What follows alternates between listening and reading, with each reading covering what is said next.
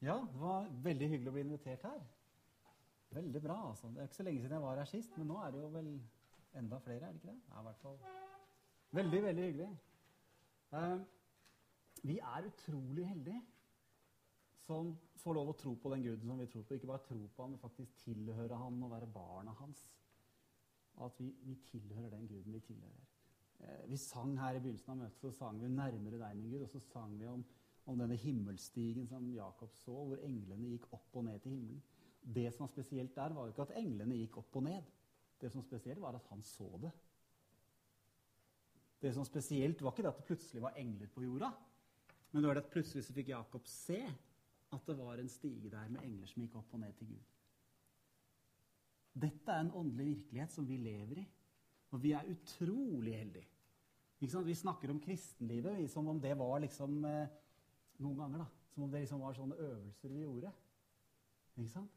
At eh, ja, det er viktig med, med, med andagstid. Og alt dette er viktig. Men det som virkelig er viktig, det er jo at vi lever i en usynlig virkelighet som vi får lov å oppleve. Og at de englene som Jakob så, som gikk opp og ned til himmelen, de er her nå. At Jesus er her nå. At Hans ånd er her nå. At når vi tilhører Gud, så bor Hans ånd inni oss. Og at det er en kilde med levende vann som veller fram i liv. At vi tilhører ikke lenger denne verden, men vi tilhører himmelen. Og så er vi i denne verden, men vi er ikke av verden, vi er i verden. Fordi vi, vi har vårt borgersamfunn i himlene, sto det i den gamle oversettelsen. Altså Vi er borgere. Vi er, vi er ikke først og fremst nordmenn. Vi har pass som tilhører himmelen. Ikke bare for at vi en gang skal få slippe inn der, men for at vi hører hjemme der nå. Altså, vi er Vi har stemmerett i himmelen. altså Vi betyr noe i himmelen. Vi er barna til kongen. Jeg husker en gang jeg var på Slottet eh, i Oslo. Eh, vi hadde en gammel tante i familien som eh, hadde jobbet som en av disse hofftjenerne hele sitt liv. Og vi fikk lov å komme der fordi at hun jobbet, så, jobbet sammen med kongefamilien. Dette er mange år siden. Det var mens kong Olav fortsatt var konge. Og Jeg fikk lov å komme der som liten gutt, og jeg husker jeg fikk lov å komme inn på Slottet. Og kongen var ikke hjemme, så jeg fikk komme inn i dagligstua hans, og jeg fikk spille på flygelet til kongen. Og til og med fikk lov å se noen av de stedene hvor uh, kongen var til vanlig. Til og med fikk, var med og fikk se at eh, på nattbordet hans lå det en kristen bok som kongen leste. Kong Olav var en disippel av Jesus, kongenes konge. Jeg tenkte på det her om dagen at du verden, er ikke det akkurat det privilegiet vi har hver eneste dag? At vi ikke bare får lov å gå inn og besøke Slottet sånn som jeg fikk gjøre der fordi jeg tilfeldigvis kjente noen på Slottet. Men faktisk så har vi tilgang til himmelen fordi vi tilhører himmelen. Fordi vi ikke bare er sånne som kjenner noen som kjenner kongen, sånn som jeg gjorde. Men vi er faktisk noen som kjenner kongen. Og som er så velkommen at vi skal ikke bare få lov å snike oss inn ikke kongen er hjemme. Men vi skal få lov å komme og sitte på fanget til kongen selv og være sammen med han som er pappaen vår i himmelen. Og at englene som er hans tjenere, de er også satt der for å tjene dem som skal arve frelsen, står det. At alt dette som fins i den usynlige verdenen, det er noe som tilhører oss som Guds barn og som vi får lov å leve i. Og det blir et utrolig spennende perspektiv på det at vi har et liv, et kristent liv. At det er faktisk å leve i denne usynlige dimensjonen, og at Gud skal få vise oss mer og mer av det som er usynlig for oss nå, men som skal bli mer og mer merkbart for oss hva vi egentlig lever i. Jeg har tatt med et bibelvers her fra Efeserne 2. og Det er veldig velkjent, som jeg regner med at alle dere som går på bibelskole, i hvert fall kjenner. For av nåde er dere frelst ved tro. Det er Efeserne 2,8. For av nåde er dere frelst ved tro. Det er ikke deres eget verk, men det er Guds gave. Ikke sant? Det at vi i det hele tatt er kongens barn, det er en fantastisk gave. Det er rett og slett at han har kjøpt oss til å bli sine barn ved å gi Jesus for oss. Og at vi får lov til å leve i den virkeligheten allerede nå. Det er ikke bare et håp en gang langt inn i fremtiden at eia var vi der, men faktisk er han pappaen vår i dag. Jesus er vår Herre, men han er også vår venn. Han sier, 'Jeg kaller dere ikke lenger tjenere, jeg kaller dere venner'. For tjeneren vet ikke hva hans herre gjør, men vennene vet. Vennene er sammen med vennen sin, som er Jesus. Og han forteller oss hva som er på hans hjerte. Og Jesus sa at 'mine sauer', sa han. Noen kanskje blir, synes det er litt ydmykende å bli kalt sau, men i forhold til Jesus er ikke det farlig. Mine sauer, sånn, de hører min stemme. Og de hører forskjell på hyrden og de andre. Og Vi får lov å leve med han. Og så står det videre i vers 9 at vi er hans verk, skapt i Kristus Jesus til gode gjerninger som Gud har gjort ferdig på forhånd for at vi skulle vandre i dem. Jeg har tatt med et bilde av noen fotspor her. Vi sier av og til ja, vi skal gå Jesu fotspor. Det det handler om, er faktisk at han bryr seg så mye om hver enkelt av oss at han har gått ruta før oss. Han går foran oss hver dag og forbereder dagen vår. Han går foran oss og gjør ting klart som vi skal få lov å oppleve. Og han har lagt ting ferdig som vi skal få gå i. Og Når vi opplever tidsklemme, som vi snakka om her i dag, så er det helt reelt, for vi har masse å gjøre. Vi har masse på programmet. Og jeg tror det som Gud virkelig har på hjertet, det er at vi skal begynne å oppdage de tingene i programmet som han har vært der og lagt klart for oss. For det er de fantastiske tingene. Det er de spennende tingene. Det er de tingene som gjør at vi får overskudd til alt det andre vi gjør. Nettopp det at vi får lov å møte kongen, møte vår venn i hverdagen. Det handler om de ferdiglagte tingene. Det er ikke noe vi skal ta oss sammen til å gjøre. Hvilken far er det som vil tenke at hans lille barn skal ta seg sammen for å gjøre et eller annet for å glede pappaen sin? I hvert fall det jeg er mest opptatt av, at barna viser at de er glad i meg, at de bare vil være sammen med meg. Og det er det viktigste for Jesus òg. At vi faktisk bare leter etter de ferdiglagte tingene. At vi bare går inn i de, skritt, de fotstegene som han allerede har lagt klar for oss. Når det er snakk om å bli ledet av Gud, så tror jeg det handler mest av alt å bare leve det livet hvor vi vet at vi lever i denne usynlige virkeligheten der vi hele tiden er i kontakt med himmelen. Der vi vet at akkurat som Mac-en her, den kan kobles på trådløsnettet. Eller du har telefonen som kan kobles på mobilnettet. Så er vi hele tiden koblet på himmelnettet uansett hvor vi er. Og det er dekning overalt. Og nettopp fordi vi er på det nettet, så er vi hele tiden i kontakt med vår Far i himmelen. Og så står det her i Romerne 8,14 så står det at så mange som blir ledet av Guds ånd, de er Guds barn. Oi, Betyr det at hvis ikke jeg er ledet nok av Gud, så er jeg ikke hans barn? Det er ikke det det står her. Det står faktisk at de som er ledet av Guds ånd, de er Guds barn. Og vi kan snu på det og si at når vi er Guds barn, da lever vi i Guds ledelse. Vi kan alltids velge å ikke være i de ferdiglagte gjerningene. Vi kan alltid velge å si at 'nei, nå bryr jeg meg ikke om Jesus i dag'. Eller 'nei, jeg bryr meg ikke om det der'. Og det er ikke noe lurt. Men vi kan også velge å leve i den ledelsen som er der for oss. Det er ikke noe mystisk. Det er ikke noe som vi er nødt til å kjempe og kave for å få tak i. For det er også nåde. For av nåde er dere frelst. Det er gjerninger som er ferdige.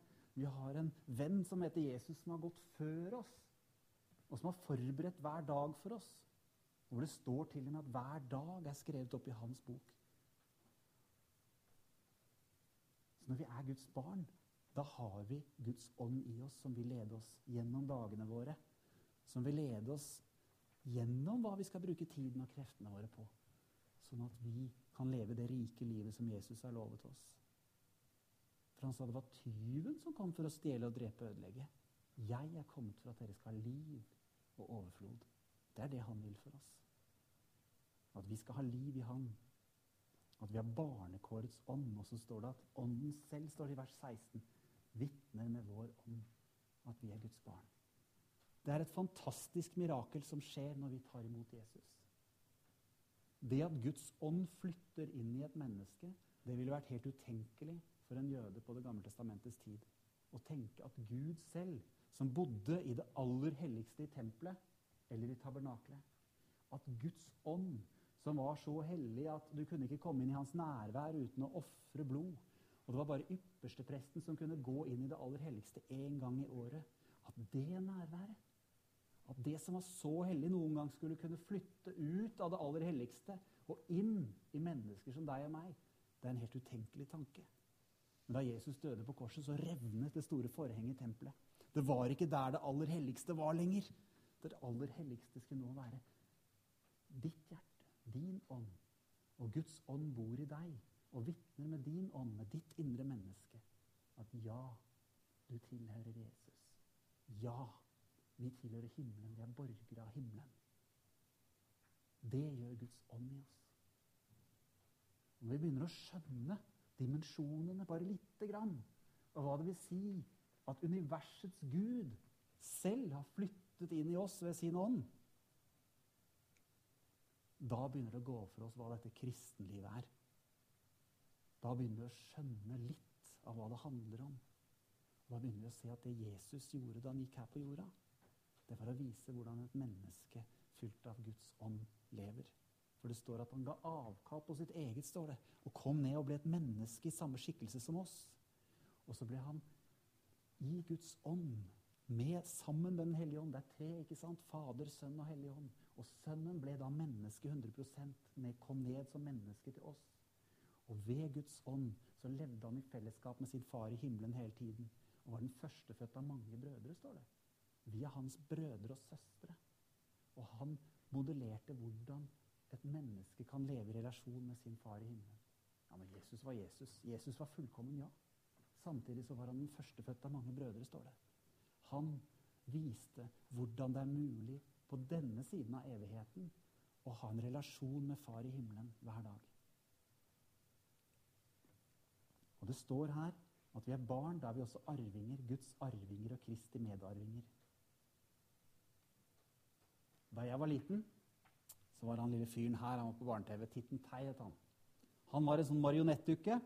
Så når hun Birgit Strøm satt uh, i etasjen over med disse fiskesnørene ned, så med denne helt spesielle stemmen sin og var Titten Tei, så satt han der, og han var så levende at vi trodde jo at han levde. vet du, hvordan han satt, Jeg vet ikke om noen av dere har sett ham på YouTube. Jeg, dere har sikkert ikke sett ham på barne-TV, for det er jo et par århundrer siden. Men han, han, han, var, hadde jo så, han hadde, hadde jo ikke noe mimikk. vet du, Han var jo treskallet i ansiktet. Men allikevel så måten han beveget kroppen på vet du, og gestikulerte med armene og pratet om sjunkel Rolf og alle disse som var i studio, det var jo sånn at vi levde oss så inn i den tredukka at vi trodde jo den var levende til slutt. ikke sant? Og det var jo egentlig bare en tredukke. ikke sant? Som en dame sto der og både styrte armer og bein og sa stemmen til.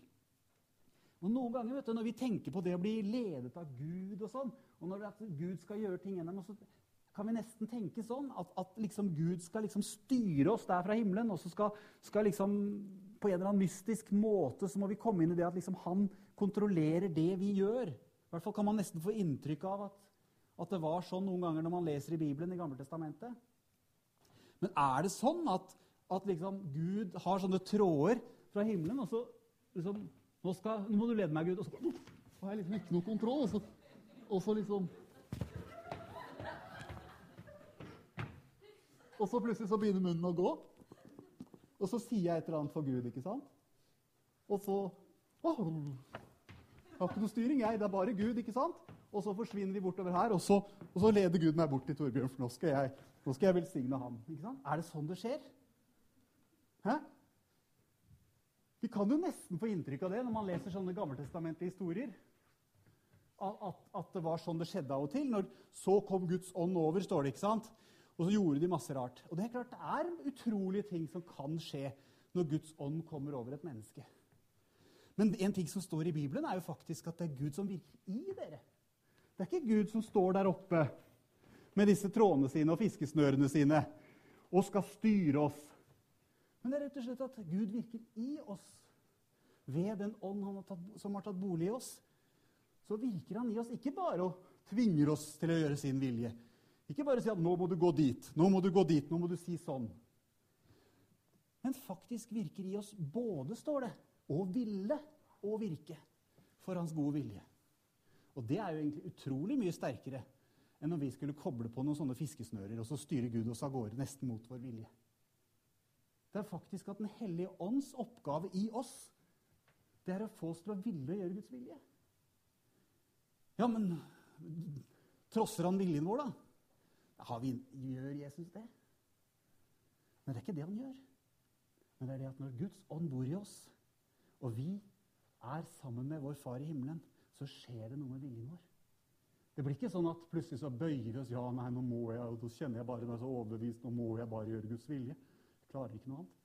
Plutselig så begynner jeg å få lyst til det som Jesus har lyst til. vet du. Plutselig begynner jeg å få lyst til å gå på bibelskole. vet du. Hæ? Det er jo sprøtt. Du kunne jo brukt et helt år og tjent penger på Rema i stedet. Reist jorda rundt etterpå. Plutselig får du lyst du, til å studere Guds ord. Plutselig får du lyst til å gjøre ting som, som, som, som er på Guds hjerte. Hva er det som skjer da? Det er Guds ånd i deg som virker i deg både å ville og virke etter hans vilje. Og det er utrolig spennende. Og kanskje er det der noe av hemmeligheten ligger. Når vi føler at det er tidsklemme, og vi har 1000 millioner ting i kalenderen. og selv om vi har synkronisert iPhone nå mot Mac-en vår, og vi har kalendere fire steder, både på PC-en på jobben og Mac-en hjemme og iPhonen i lomma, og så er det så fullt du, at vi, har, vi, klarer ikke å sprette inn én liten ting. Og skal vi ha noen stillestund med Gud, så må det bli Jeg vet ikke når det skal bli, jeg. For det er ikke plass. Og det har jo egentlig mest å gjøre med at vi, vi gjør jo det vi syns vi må, og det vi har lyst til. Jeg husker da jeg traff kona mi. Det var ikke så veldig vanskelig å finne tid til å være sammen med henne, selv om vi var studenter begge to. Jeg hadde to år igjen av medisinstudiet, hun hadde to år igjen av sykepleierskolen. Og vi, vi, var jo sammen støtt. ikke sant? Enten så satt vi på lesesalen, eller så spiste vi kveldsmat på hybelen hennes før jeg dro hjem om kvelden. Så, det var ikke noe vanskelig å finne tid til å være sammen med henne, selv om vi leste. For var, ja, du vet, når man er forelska og gæren, så er man helt på styr ikke sant? etter å være sammen med den personen. Og det er sånn det er noe som skjer med hjertet ditt. ikke sant? Du blir så forelska, du blir så fortapt i den personen at du vil bare være der. Det er Den hellige ånd vil gjøre i hjertet vårt med Jesus. At det er så godt. Å, jeg har så lyst. Jeg bare kjenner at nå er jeg så sliten. Og den er ikke det, Jeg orker ikke å på Bibelen, for jeg er så sliten. Jeg er så sliten at nå må jeg bare få sette meg i den gode stolen. Så må jeg bare si, 'Jesus, kom'. Å, det er godt å bare være sammen med deg igjen. Wow. Og så er Guds ånd der. Så er det en lengsel, det er en lidenskap, fordi han er vår venn. Fordi det er Guds ånd som virker i oss, både å ville og virke hans gode vilje. For hans gode vilje er at vi skal ha det godt med han. Vi kan jo ikke gjøre noe godt for Guds rike hvis vi ikke har det godt med han først. Er det noen ting som virkelig ligger på hans hjerte som venn, så er det at vårt vennskap Og det kan være voldsomme ting som skjer når Guds ånd kommer. Sånn som Samson. ikke sant? Alle husker søndagsskolehistorien. Det er, ikke, det er nesten stygt vet du, å lese enkelte av disse bibelhistoriene for søndagsskolebarna, for det er vanskelig å forklare hvorfor det måtte skje. Men ikke sant? det som skjedde her, var jo at Den hellige ånd kom over Samson, og så tok han et esels kjevebein, og så drepte han 1000 mann, står det. Hallo! Man må jo ikke glemme da, at dette var fiender som holdt på å drepe hele Israels folk, holdt på å utslette israelsfolket. Noe de absolutt ikke hadde rett til å gjøre. Så dette var liksom Guds eh, bombeangrep tilbake. Ikke sant? Når, når, hele hans folk holdt på å gå under. Og det var folk som levde i synd, som, som prøvde å ødelegge hans folk. Da kom Guds ånd dem til unnsetning. Og dette er selvfølgelig et bilde på det som skjer åndelig i dag. Vi skal ikke drive og drepe verken den ene eller den andre. Alt det som skjedde i den gamle pakt, står det skjedde til forbilder for oss, står det i Nytestamentet. For at vi skal lære. Og det betyr at det viser bare noe Guds nidkjærhet overfor de tingene som vil ødelegge hans folk. At Den hellige ånd kommer over oss når vi kjemper mot det. Men det er ikke sånn det skjer vanligvis. At Den hellige ånd kommer over oss, og så gjør vi sånne helt vanvittige, spektakulære ting. Men jeg tror det skjer mer på den måten her. At når den ilden får brenne i hjertet vårt, så er det ikke bare hjertet vårt det brenner. Det er ikke bare et lite telys som står der og blafrer og holder på å kveles. Men det er som en voldsom ild som bare brenner og brenner og bare sprer seg utover i kroppen vår. Og så er vi, hele oss blir fylt av ild. Du vet, På pinsedag så var det sånn at når disiplene satt oppe på den øvre salen og ba, så kom Den hellige ånd sånn at det var synlige flammer på dem. Ikke sant? Det var ikke bare de som fikk liksom åpnet øynene, sånn som, eh, sånn som Jakob som så himmelstigen. Alle så at det var, var flammer på det. Men det har vært rapportert at det har skjedd i historiens side nå, hvor det har vært sterke vekkelser, hvor det har vært hedninger som har stått på utsida og sett at det er flammer over huset der det er, der det er vekkelse. Fordi Den hellige ånd har vært der så sterkt. Men det er jo bare fordi vi av og til får se i det synlige hva som egentlig skjer i det usynlige. Det er bare fordi Gud av og til åpner øynene våre, så vi får se hva som skjer i det usynlige. Men det som skjer inni oss, er jo at Den hellige ånds ild brenner i oss. Og når den brenner i oss, så sprer det seg ut i hele oss. Og så vil hans ild er det som varmer hjertet vårt. Hans ild, hans nærvær, er det som gjør at vi får lyst til å være med han. Vi får lyst til å gjøre hans vilje, og vi får kraft til å gjennomføre hans vilje. Og Det er noe helt annet enn at det kommer et eller annet utenifra. Så kan Helligånden komme over oss på spesielle måter. Det har vi mange eksempler på opp gjennom historien. Husker da jeg var husker Da jeg var eh, tidlig i tenårene, så kom jeg over disse bøkene til Marie Monsen. Er det noen som har lest de? Har du det? Den gamle misjonssambandsmisjonæren som dro til Kina. Det, er, det, er, det må dere se om ikke foreldrene deres har i bokhylla, altså bøkene til Marie Monsen. Det var Raddis dame, det. Wow! Jeg var helt sjokka når jeg leste det. Den dama ikke sant, drar aleine til Kina og bare tror på Gud. altså. At Gud skal skape vekkelse. Gud skal komme med sin ild. Og hun var altså en av de sterkeste misjonstjenestene som har vært kjent de siste 100 årene. Den vekkelsen som skjedde i fotsporene hennes i Kina. Må finne, blant annet, hun har en bok som heter 'Bønnens makt', skrevet av Marie Monsen.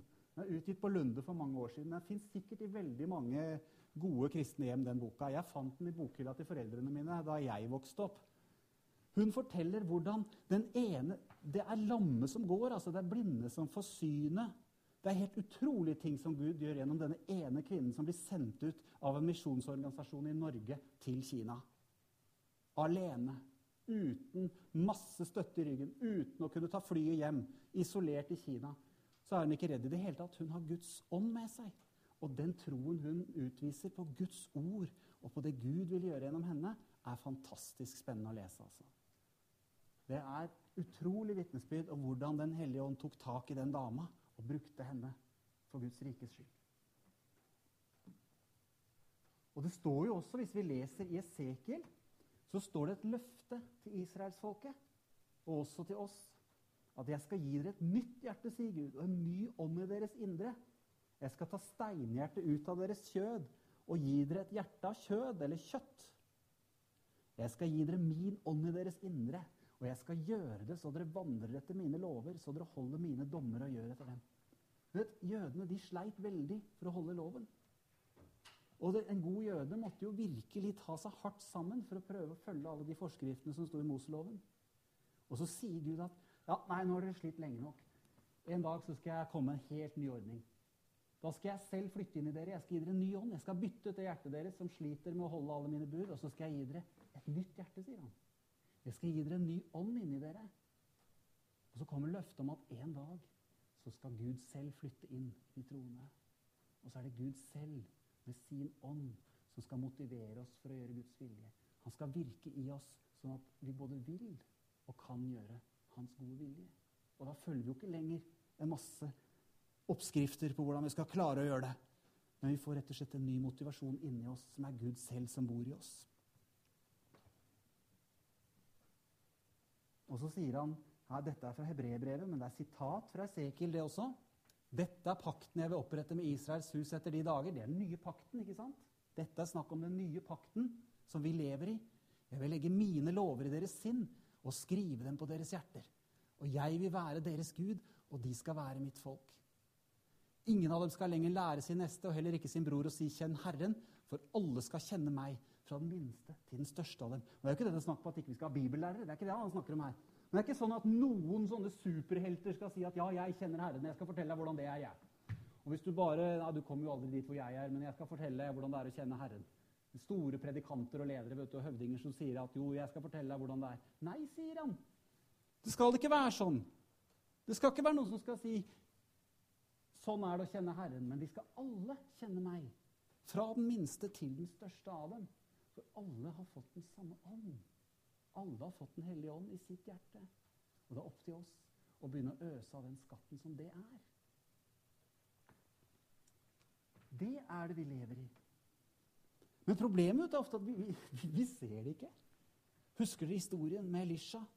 At han hadde en sånn eh, tjener som var så livredd fordi de var omringet av fiender på alle kanter. Husker du den historien? Elisha han tok det knusende med ro. Omtrent som Jesus som ligger og sover i stormen. Han bare helt, helt relax, helt kul. ikke sant? Og bare sånn 'Hallo!' Det er ikke sant, Disiplene var jo helt fra seg. 'Jesus, ser du ikke at vi går under?' ikke sant? Og Jesus snorker og er fornøyd. ikke sant? Han vet at den stormen den stilner så snart han bare ikke sant?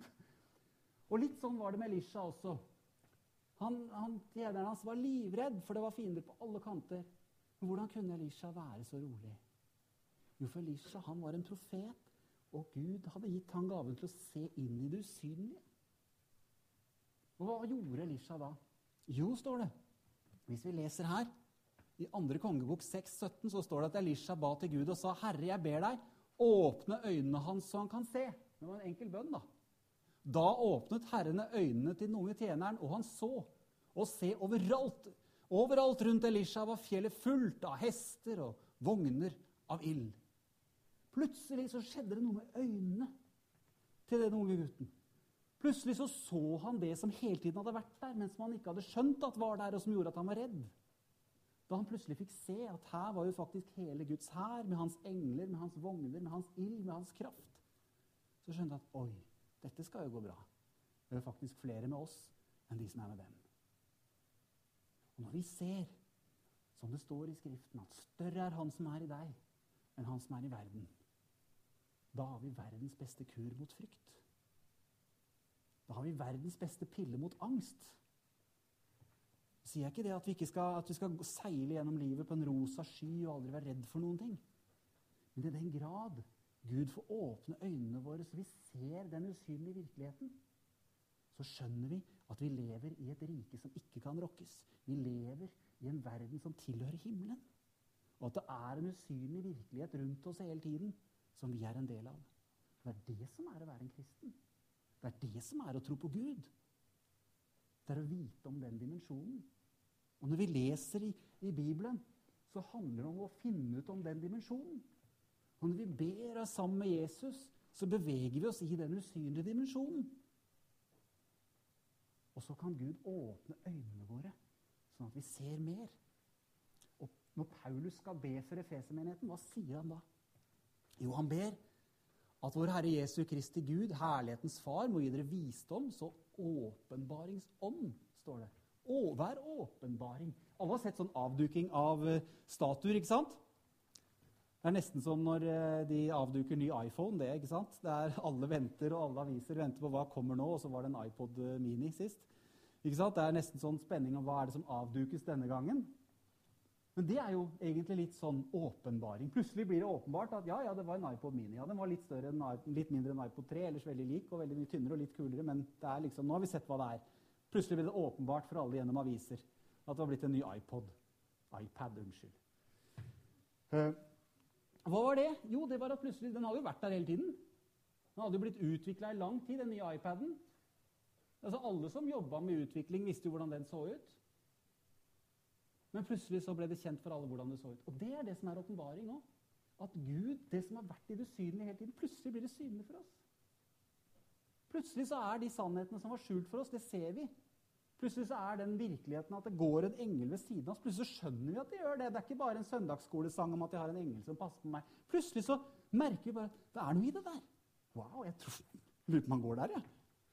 Ja. ja, ja. Og Jesus han går sammen med meg. vet du, ikke sant? Tett ved sida mi og Jesus synger vi. Ikke sant? Alltid vil han være der. Jeg trenger ikke gå ottast, er det ikke sånn? Når jeg følger Jesus her. Men plutselig, vet du, det er en sang, ikke sant? og det er en veldig god sang. Jeg tror Den som skrev den sangen, hadde virkelig fått sine åndelige øyne åpne. Så, så den personen virkelig merka det, at Jesus var ved sin side. Tett ved sida mi og Jesus. Men plutselig vet du, så får vi åpenbaringsånd, som gjør at plutselig så skjønner vi Han gjør! Han er jo der, jo! Hallo! Oi, hei, Jesus. Det var hyggelig. Nå, nå skal vi gå på jobben sammen, vi. Hm, så bra. Og så, ikke sant? Hva blir bønn da? Det blir jo sånn som de som gikk til Emmaus, vet du, som gikk sammen med Jesus. Og så prater de med Jesus. Og de, de skjønte jo ikke de at det var Jesus engang, fordi at eh, enda han var synlig, for han så annerledes ut etter at han var stått opp fra de døde. Men så står det når de kom hjem og han var forsvunnet igjen, så skjønte, plutselig skjønte de det. Brant ikke våre hjerter i oss, sa de, da han åpnet Skriftene for oss. Ikke sant? Og Det er det når vi får åpenbaringsånd. Når vi tar imot det, den gaven det er å få lov å få den ånden som Paulus ber om her, da plutselig skjønner vi at det er ikke bare Emmaus-vandrerne som får lov å gå med Jesus ved siden av seg. Det er vi. Det er ikke bare de som fikk lov å snakke med Jesus, og han åpnet Skriftene for dem. Det er vi. Det er ikke bare sånn at det var en eller annen kinamisjonær som levde så sterkt med Gud, som het Marie Monsen for 70 år siden. Det er vi. Det er jeg som er Jesus sin venn. Det er jeg som har fått åpenbaringsånd. Det er jeg som kan se den usynlige verden med mitt indre øye. Og så sier Han at deres, han ber også om at deres forstands øyne blir opplyst. står det i denne oversettelsen. I andre oversettelser står det at han skal gi deres hjertes øye lys. Hva er deres hjertes øye eller hjertes øyne? Jo, det er jo vårt indre menneske, der hvor Guds ånd bor. At vi skal se hva som skjuler seg i det usynlige. At vi skal få merke den usynlige verdenen som er rundt oss. Der Jesus er, der hans engler er, der hvor Guds ånd er. Den usynlige virkeligheten som vi er en del av. Da blir det spennende å lese Bibelen. For da blir ikke det noe vi gjør som en øvelse, for nå er det på tide at vi leser litt, for det er så lenge siden sist. Men det blir mer at oi, nå har jeg gått litt glipp av hva som har skjedd i det usynlige i det siste. Nå er det på tide jeg får oppdatert litt. Grann. Vi går på Facebook du, for å vite hva som har skjedd med vennene våre. stadig vekk. Men eh, det, når vi får det forholdet til Guds ord og til Guds ånd, at nå må vi logge på litt, så vi får se hva som skjer i det usynlige, så vi får merke litt om Jesus har noe for meg i dag, da blir det enda mer spennende. Og jeg tror det er noe av det Jesus vil ha oss inn i når det gjelder tidsklemma vår òg. For av og til så er det Facebook-oppdateringene som stjeler tida vår. Andre ganger så er det det tåpelige TV-programmet som vi egentlig vet at vi føler oss bare tomme innvendig når vi har sett det etterpå. Eller så er det et eller annet eh, greier som vi bare syns vi måtte. Og så vet vi hvis vi hadde gjort det i motsatt rekkefølge. Hvis vi hadde kobla på himmelnettet først, så hadde vi ikke hatt lyst til å koble av det igjen. vet du. Jeg husker en sånn opplevelse da jeg var tenåring og jeg satt og så på TV, og så plutselig så begynte det å bli en nokså sånn ikke helt pen Ikke helt uh, skal man si Ikke helt uh, god scene på TV. Da er det jo litt flaut å se sånne scener med mor og far i sofaen ved siden av seg. Men jeg kjente bare umiddelbart at Nei, nå går jeg. det hadde jeg ikke gjort før. Når det begynte å komme, så jeg Nei, nå går jeg. Det sa det ikke. Jeg bare gikk opp på rommet mitt, og så satte jeg meg ned på gutterommet. Og så kobla jeg på himmelnett i stedet. Og vet du hva? Det var som om himmelen, hele himmelen kom ned ved skrivebordet der. altså. Det var som Jesus kom og sa takk at du heller vil være sammen med meg. Og så opplever jeg at wow, så mye sterkere det er enn dette mølet som går på TV akkurat nå. Og nå er vi forskjellige. Vi er forskjellige hvordan vi opplever det. Vi er forskjellige hva slags følelser vi har. og vi er forskjellige om vi...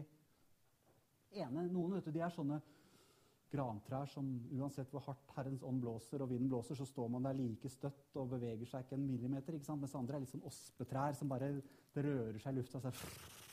Ikke sant? Og, det var Einar Lundby det tror jeg, som sammenlignet uh, forskjellige kristne på den måten der. At er, vi er forskjellige.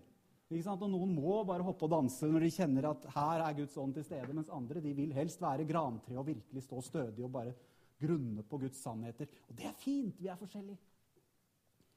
Ikke sånn at alle skal inn i samme forma, men alle skal leve i den usynlige dimensjonen. Hvor mye vi ser, hvordan vi hører, hva vi føler, det er ikke det viktige. Det som er viktig, er at vi har åpenbaringsånd i våre hjerter. Vi vet at vi lever i den usynlige dimensjonen. Og vi vet at hverdagen vår, hver eneste dag, er et liv i den dimensjonen. At vi faktisk lever i det usynlige. Og Veldig spennende vers som står her altså, i Hebreerbrevet. Fast føde, står det. Han har først snakket om melk. vet du. At åndelig melk det er for de umodne. Altså Når du er helt fersk kristen, så tåler du bare melk. Det er bare sånn helt enkel undervisning du tåler. Og så sier han når du er moden Når du er moden, da er det sånn at fast føde er for den som er fullvoksen. Dvs. Si dem som gjennom bruk har trent opp sansene sine til å skjelne mellom godt og ondt. Vet du hva jeg tror? Jeg tror at vårt indre menneske har sanser på akkurat samme måte som kroppen vår. Og jeg tror Gud har skapt oss i sitt bilde, som det står i ordet. Ikke for at vi bare skal plukke opp alt som skjer rundt oss i den fysiske verden, men vi vil at vi skal plukke opp hva som skjer i hans verden. Hva som skjer i himmelens verden. Og Når Jesus sier at 'mine sauer de hører min stemme', så er det akkurat den hørselen der han snakker om. Og Når Jesus når Paulus sier at han, at, vår, at han, ber om at våre øyne skal bli for lys, så er det de åndelige øynene han snakker om. Og når vi skal kjenne og vi skal smake at Herren er god, det er den åndelige smakssansen David skriver om. Og Det står ikke at dette er noe som plutselig skal ramle ned på oss uten at vi gjør noe for det. Men det står at når vi er sammen med Jesus, når vi trener på å bruke sansene våre, så skal vi lære å bruke sansene våre. Vet du, Et nyfødt barn det klarer så vidt å feste blikket på et ansikt, og så seiler det vekk igjen. og De klarer ikke å se skarpt, ikke sant? annet enn på en helt sånn avstand når de holdes på armen. Og, og, og det å gjenkjenne ord, f.eks., det tar jo år. ikke sant? Og det å kunne snakke, det er en annen takk. Men det å kunne bruke nervesystemet sånn at de kan gå og balansere og løpe, og bruke sansene sine til å kommunisere, det tar lang tid å utvikle. Og det er noe av det som vi får lov å gjøre. Det er noe av det som handler om å være moden, står det her. Vi skal ikke fortsette å bare drikke melk. Bare gå og høre andakt og, og preken og så leve på det som noen andre forteller. Det er helt greit når man er ny som kristen og bare ta imot en preken på søndag og gå på noen møter. Men det Gud virkelig vil ha oss inn i, det er at vi har bevissthet at vi lever i det usynlige hver dag. Og at det å være sammen med Jesus, det er å trene sine sanser på samme måte som det lille nyfødte barnet trener sansene sine bare ved å være sammen med mamma og pappa. Det er ikke noe øvelse. Det er rett og slett bare å være sammen. Det er bare å vite at ja, nå er vi sammen. Jeg lever i den usynlige dimensjonen. Og så har jeg tatt med som en sånn liten bonus til slutt. Så jeg har tatt med en liten smørbrødliste. En prioriteringsliste som du kan ta med deg hvis du skal gjennomgå tidsklemma di litt. Og det er sånn som jeg tror vi trenger å prioritere. Nå har vi snakket om Gud. Vi har snakket om denne usynlige verdenen, og det er punkt nummer én. Hvis vi skal få det til å gå rundt, så må vi ha en god relasjon med Gud først. Fordi det er Han som virker i oss, det er Han som gir oss styrke, det er Han som motiverer oss.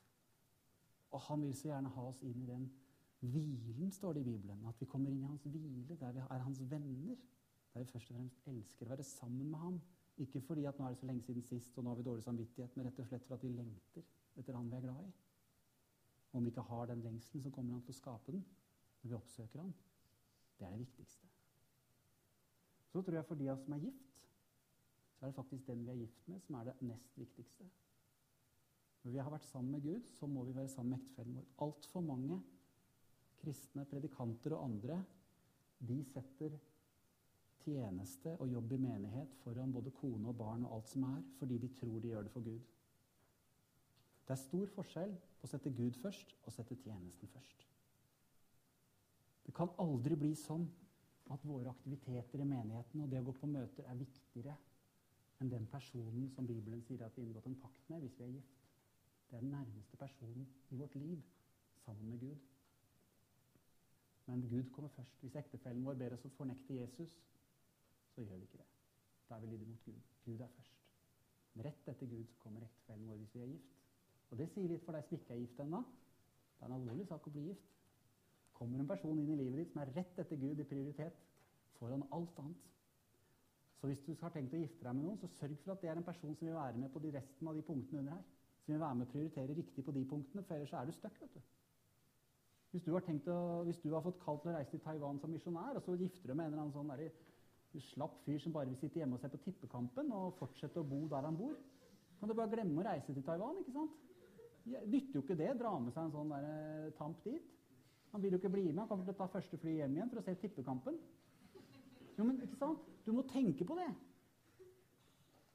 Sørg for det. Det er mye bedre å bo i en krok på taket enn i hus med trettekjær kvinne, sier Salomo. Man snakka fra mannens synspunkt. Det er ikke noe bedre enn å bo Du like gjerne bo i krok på taket enn å ha en sånn fyr som bare sitter i sofaen. Det er ikke noe bra, det heller. Så Sørg for det at dere har felles visjoner og sånn hvis du skal gifte deg med noen. Eller vent litt. Ikke vær så kresen at du ikke godtar en bra kristen fyr da, som vil dele livet med deg. Ikke vær så kresen at ingenting er bra nok, og ingen damer er fine nok. Men tenk på det at faktisk dere må være med å prioritere de tingene under. Og neste det er barna. Du kan ikke ofre barna dine på tjenestens alter. Eller på jobbens alter.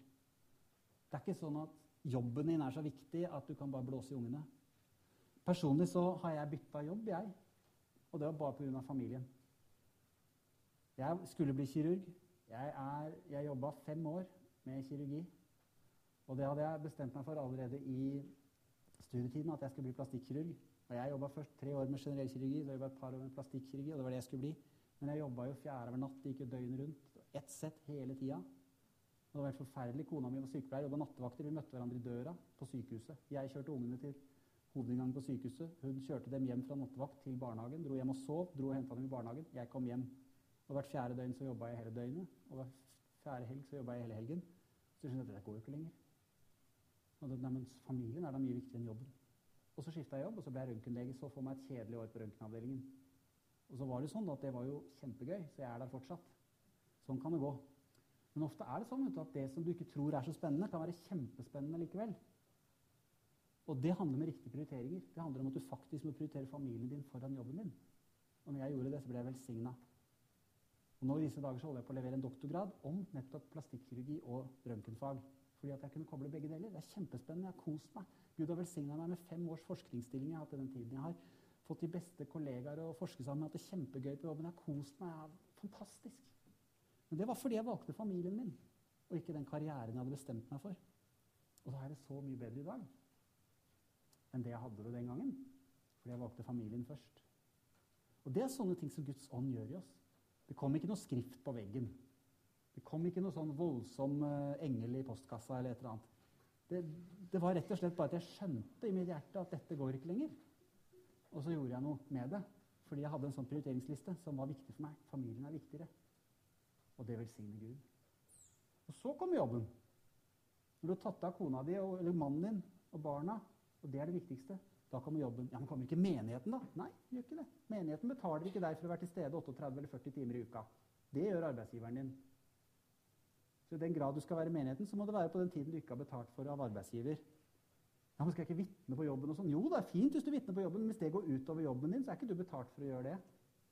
Du er ikke bussjåfør for å vitne om Jesus til alle pasienten, nei, pasienten, sier jeg, for alle, alle passasjerene.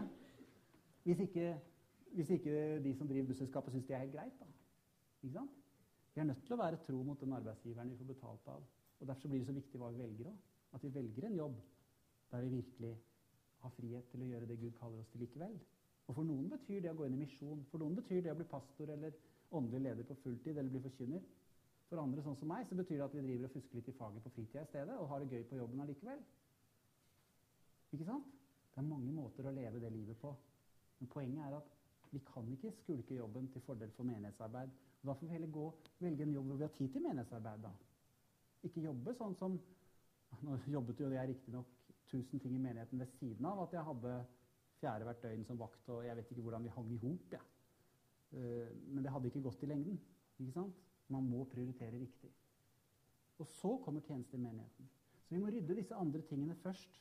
Og når det er på plass, så er det selvfølgelig meningen at vi skal ha en tjeneste i Guds rike og Guds menighet. Men når vi har en familie, så er det faktisk vår egen familie der vi har den viktigste tjenesten. Det å snakke med våre egne barn, være til stede for ektefellen vår, det er den viktigste tjenesten.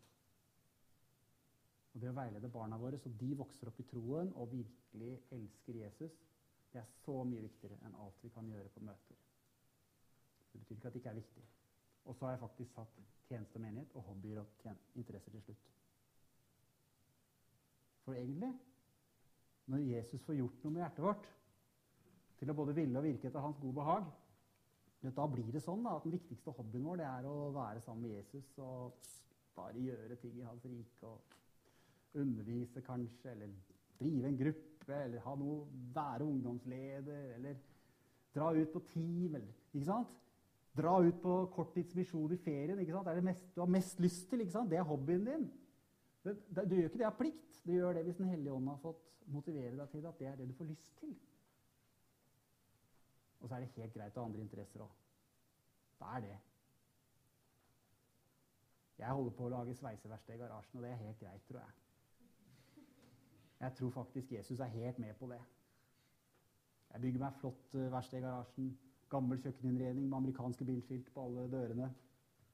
Og supert sveiseutstyr. og holder på skaffa meg kappsag nå for stål. Og det er sånn at vi får lov å ha hobbyer og interesser, og Gud unner oss det. Vi skal få være hele mennesker som holder på med mange ting. Men det er ikke sånn at det skal styre livet vårt. Det er ikke sånn at det kommer foran ektefellen vår og barna våre og menigheten og alt det der. Men når vi har disse tingene på plass i riktig rekkefølge, så tror jeg faktisk vi mer og mer skal oppdage at vi får tid til alt sammen. Og så vil det være perioder hvor vi må forsake noe, men da kjenner vi også at det er det Guds ånd i mitt hjerte gjør at jeg får lyst til. Jeg har så lyst til å gjøre det som er riktig, det som er godt. Og det som jeg kjenner at Jesus har glede av. Skal vi be? Jesus, jeg takker deg for at du ikke var i tidsklemme da du gikk her på jorda. Takk for at du visste når du skulle gå på fjellet og være sammen med far i himmelen. Så fikk du instruksjoner fra far i himmelen så var du sammen med din far, selv da du gikk her som menneske. Så hadde du et overskudd, og du kunne si det til disiplene når de lurte på hvorfor ikke du var og spiste, at min mat er å gjøre hans vilje som har sendt meg. Det som stimulerte deg, var å gjøre din fars vilje. Og du gjorde det du så Faderen gjøre, og du sa det du hørte Faderen si. Og Jesus, nå ber jeg om at du skal gi oss rikt mål av den samme ånd For å fylle alle som er her. Jeg ber at du, Hellige Ånd, skal komme og fylle hver enkelt av oss. Og begynne å virke mektig i oss til å ville og virke det som er godt. Gi oss åpenbaringsånd til åpenbaring om Gud. Gi lys til vårt hjertes øye, til vår, til vår forstands øyne. Lys så vi ser deg og ditt rike og den usynlige verden. Takk for at du skal være med oss hver eneste dag. At du elsker oss.